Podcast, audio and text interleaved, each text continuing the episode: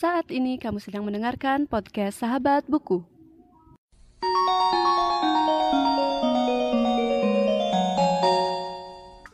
Halo semuanya dan selamat datang kembali di podcast Sahabat Buku. Bagi kamu yang baru pertama kali mendengarkan podcast ini, podcast Sahabat Buku adalah sebuah podcast yang membahas review buku dan pengalamanku saat membaca buku.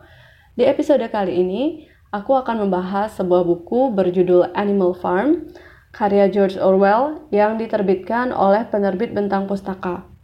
Buku ini pertama kali diterbitkan pada Januari 2015 dan untuk buku bahasa Inggrisnya sendiri pertama kali diterbitkan pada 17 Agustus 1945 dan novel ini adalah sebuah novel alegori politik yang ditulis pada masa Perang Dunia Kedua sebagai satir atas totalitarisme dari Uni Soviet.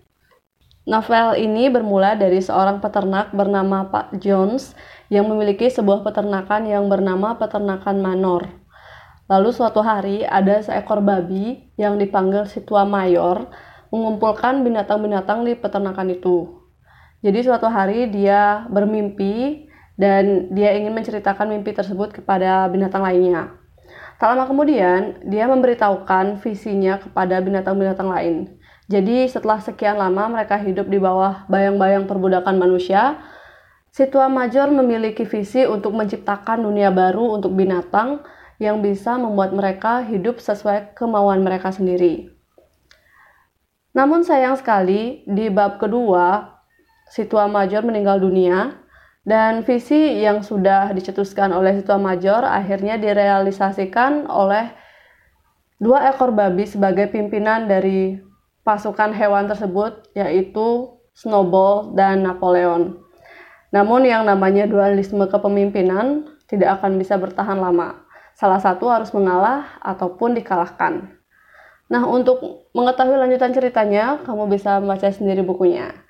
Selanjutnya, aku akan membahas beberapa hal yang menarik dari buku ini. Namun sebelum itu, kamu bisa mendapatkan update dari podcast Sahabat Buku melalui Instagram at podcast Sahabat Buku dan Twitter at Sahabat Buku underscore. Selain review buku, ada tiga segmen lain di podcast ini, yaitu pembacaan karya sastra, bincang buku, dan sharing opini mengenai membaca dan literasi. Selanjutnya, aku akan membahas beberapa hal menarik dan mungkin beberapa hal yang juga aku baru tahu setelah membaca buku ini. Judul dari novel ini juga sebelumnya sempat diterjemahkan ke bahasa Indonesia dengan judul binatangisme. Dan selain itu, mungkin di awal episode tadi kamu udah dengar kalau buku ini diterbitkan pada 17 Agustus 1945 di mana itu bertepatan dengan Hari Kemerdekaan Indonesia. Dan secara singkat buku ini memang membahas tentang Perang Dunia Kedua di mana buku ini merupakan satir terhadap uh, apa namanya? Totalitarisme Uni Soviet. Nah, aku sendiri sempat mempelajari uh, Perang Dunia II gitu, tapi nggak terlalu, istilahnya gimana ya, nggak terlalu mendalam. Jadi selain buku ini menceritakan cerita tentang hewan-hewan itu, ternyata emang ada latar belakang yang gimana ya berdasarkan sejarahnya gitu. Dan pas aku baca pertamanya aku nggak kepikiran kalau ini merupakan buku satir karena aku emang gimana ya nggak nggak googling dulu nggak juga baca uh, ringkasan bukunya. Jadi aku asal baca aja. Baru pas di pertengahan aku ngerasa kok ini agak gimana ya nyindir sesuatu deh kayaknya. Tapi aku masih tahan buat nggak nyari info gitu. Lalu pas aku udah selesai baca baru aku kayak googling. Aku juga baca review-review teman-teman juga dan ya menurut aku ini bukunya keren banget karena ceritanya seru dan juga beberapa bagian tuh menurut aku benar-benar ngena kali.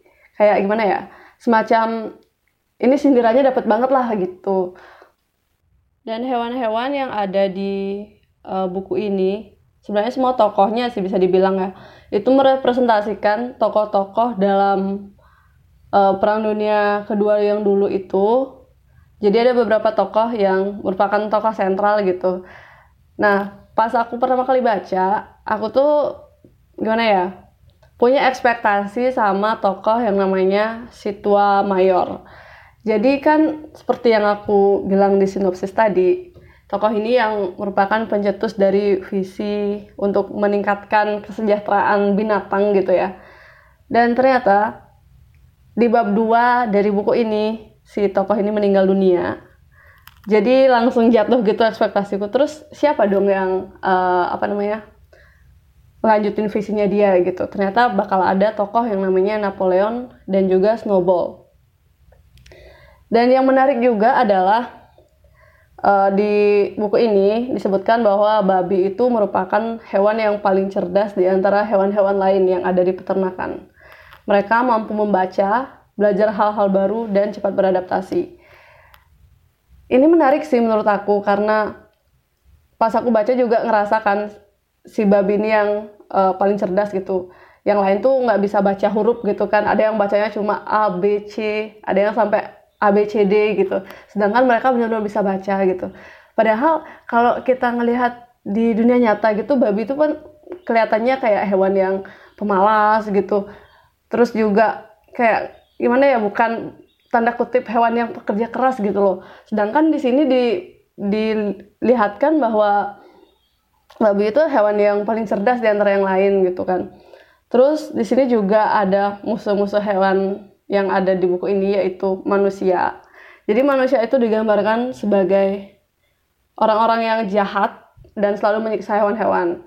Jadi seperti yang aku bilang tadi, kan si tua major itu memiliki visi untuk kayak mensejahterakan hewan itu. Jadi dia bakal memerangi manusia-manusia yang ada di peternakan termasuk si pemilik peternakan yang bernama Tuan Jones. Terus um, di sini manusia-manusia ini menggambarkan tokoh-tokoh yang ada di uh, perang dunia gitu juga. Dan salah satu yang pas aku googling, terus menurut aku gimana ya menarik itu adalah Tuan Frederick yang menggambarkan uh, Adolf Hitler pada masa uh, apa namanya yang memimpin Nazi Jerman gitu. Jadi uh, peternakan itu nggak cuma satu jadi ada peternakan orang lain juga. Jadi di sana disebutkan sebagai kayak peternakan tetangga gitu. Dan uh, apa namanya orang-orang yang mengepalai peternakan itu ada Pak Jones, Pak Frederick, dan juga Pak Pilkington. Nah, jadi tiga tokoh ini merupakan uh, apa namanya kayak representasi dari apa namanya uh, orang-orang yang juga terlibat gitu di sejarah dari Uni Soviet itu tersendiri. Dan tokoh lain yang juga menarik adalah Boxer. Boxer itu tokoh yang uh, apa namanya? dalam bentuk kuda. Jadi dia tuh seorang pekerja keras. Bahkan aku sendiri waktu baca ngerasa kalau kalau si uh, Boxer itu kayak gimana ya? pekerja keras banget, tapi dia tuh nggak dapat apa-apa, tapi dia tetap mau kerja gitu. Kayak kasihan gitu loh waktu baca. Terus yang juga gimana ya salah satu tokoh yang ngeselin buat aku ya namanya Molly Molly itu uh, kuda betina yang dia tuh apa namanya kayak semacam kuda yang manja banget terus dia juga kayak gimana nggak mau kerja keras nggak mau kayak nggak mau bantuin kayak ada kerjaan itu dia nggak mau bantuin gitu jadi buku ini benar-benar gimana ya isinya tuh beberapa hal terutama pas bagian kayak nyindir-nyindirnya itu ngena banget sih buat aku karena bahkan sebelum aku tahu kalau buku ini merupakan satir untuk uh, sesuatu yang ada di sejarah kita, I mean kayak sejarah perang dunia yang dulu.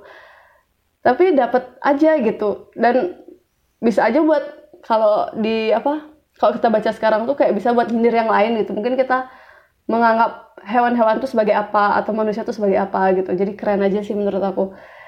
Jadi sekian untuk pembahasan buku Animal Farm karya George Orwell. Jika kamu ingin berbagi pendapatmu tentang buku ini, kamu bisa langsung menuju YouTube, Instagram, atau Twitter podcast Sahabat Buku dan sampaikan di kolom komentar atau tweet. Kamu juga bisa mendukung podcast Sahabat Buku melalui link karyakarsa.com yang ada di deskripsi. Jangan lupa untuk membagikan episode kali ini di media sosial kamu. Terima kasih telah mendengarkan dan sampai jumpa di episode selanjutnya.